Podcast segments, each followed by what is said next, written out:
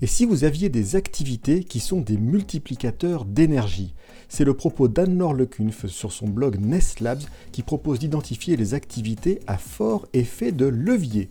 Bienvenue, vous êtes sur le podcast J'ai pas le temps pour ça, présenté par Eric Boucher, où l'on partage des méthodes, des trucs et des astuces pour être plus efficace et terminer vos journées plus tranquillement. Qu'est-ce que c'est donc ces activités à fort effet de levier?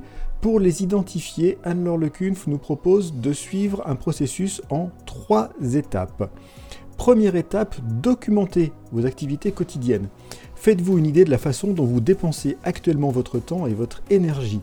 En effet, selon elle, on sous-estime ou on surestime le temps qu'on consacre à certaines activités, le temps qui semble se contracter lorsqu'on s'amuse et se dilater quand on passe sur les tâches ennuyeuses.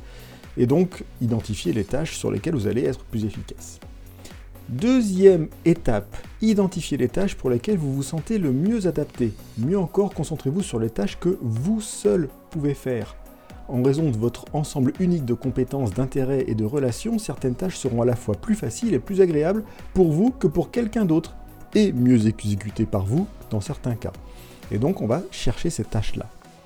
Troisième étape proposée ici, choisissez vos leviers. Tout d'abord, soyez sélectif. Alors que les activités à fort effet de levier conduisent à des résultats démesurés par rapport à l'investissement en temps et énergie, vous ne disposez toujours que d'un nombre limité d'heures à votre disposition. Idéalement, essayez de limiter votre liste d'activités à fort effet de levier à deux ou trois éléments au maximum. Ensuite, assurez-vous de vous engager sur ces leviers. Informez vos équipes de vos domaines d'intervention, déléguez des tâches pour lesquelles vous n'êtes pas le mieux placé, automatisez les activités répétitives et énergivores, embaucher des sous-traitants pour ce qui ne peut pas être automatisé. On résume, trois étapes pour identifier vos activités à fort effet de levier. Première, documenter vos activités quotidiennes. Deuxième, identifier les tâches pour lesquelles vous vous sentez le mieux adapté. Troisième, choisissez bien vos leviers.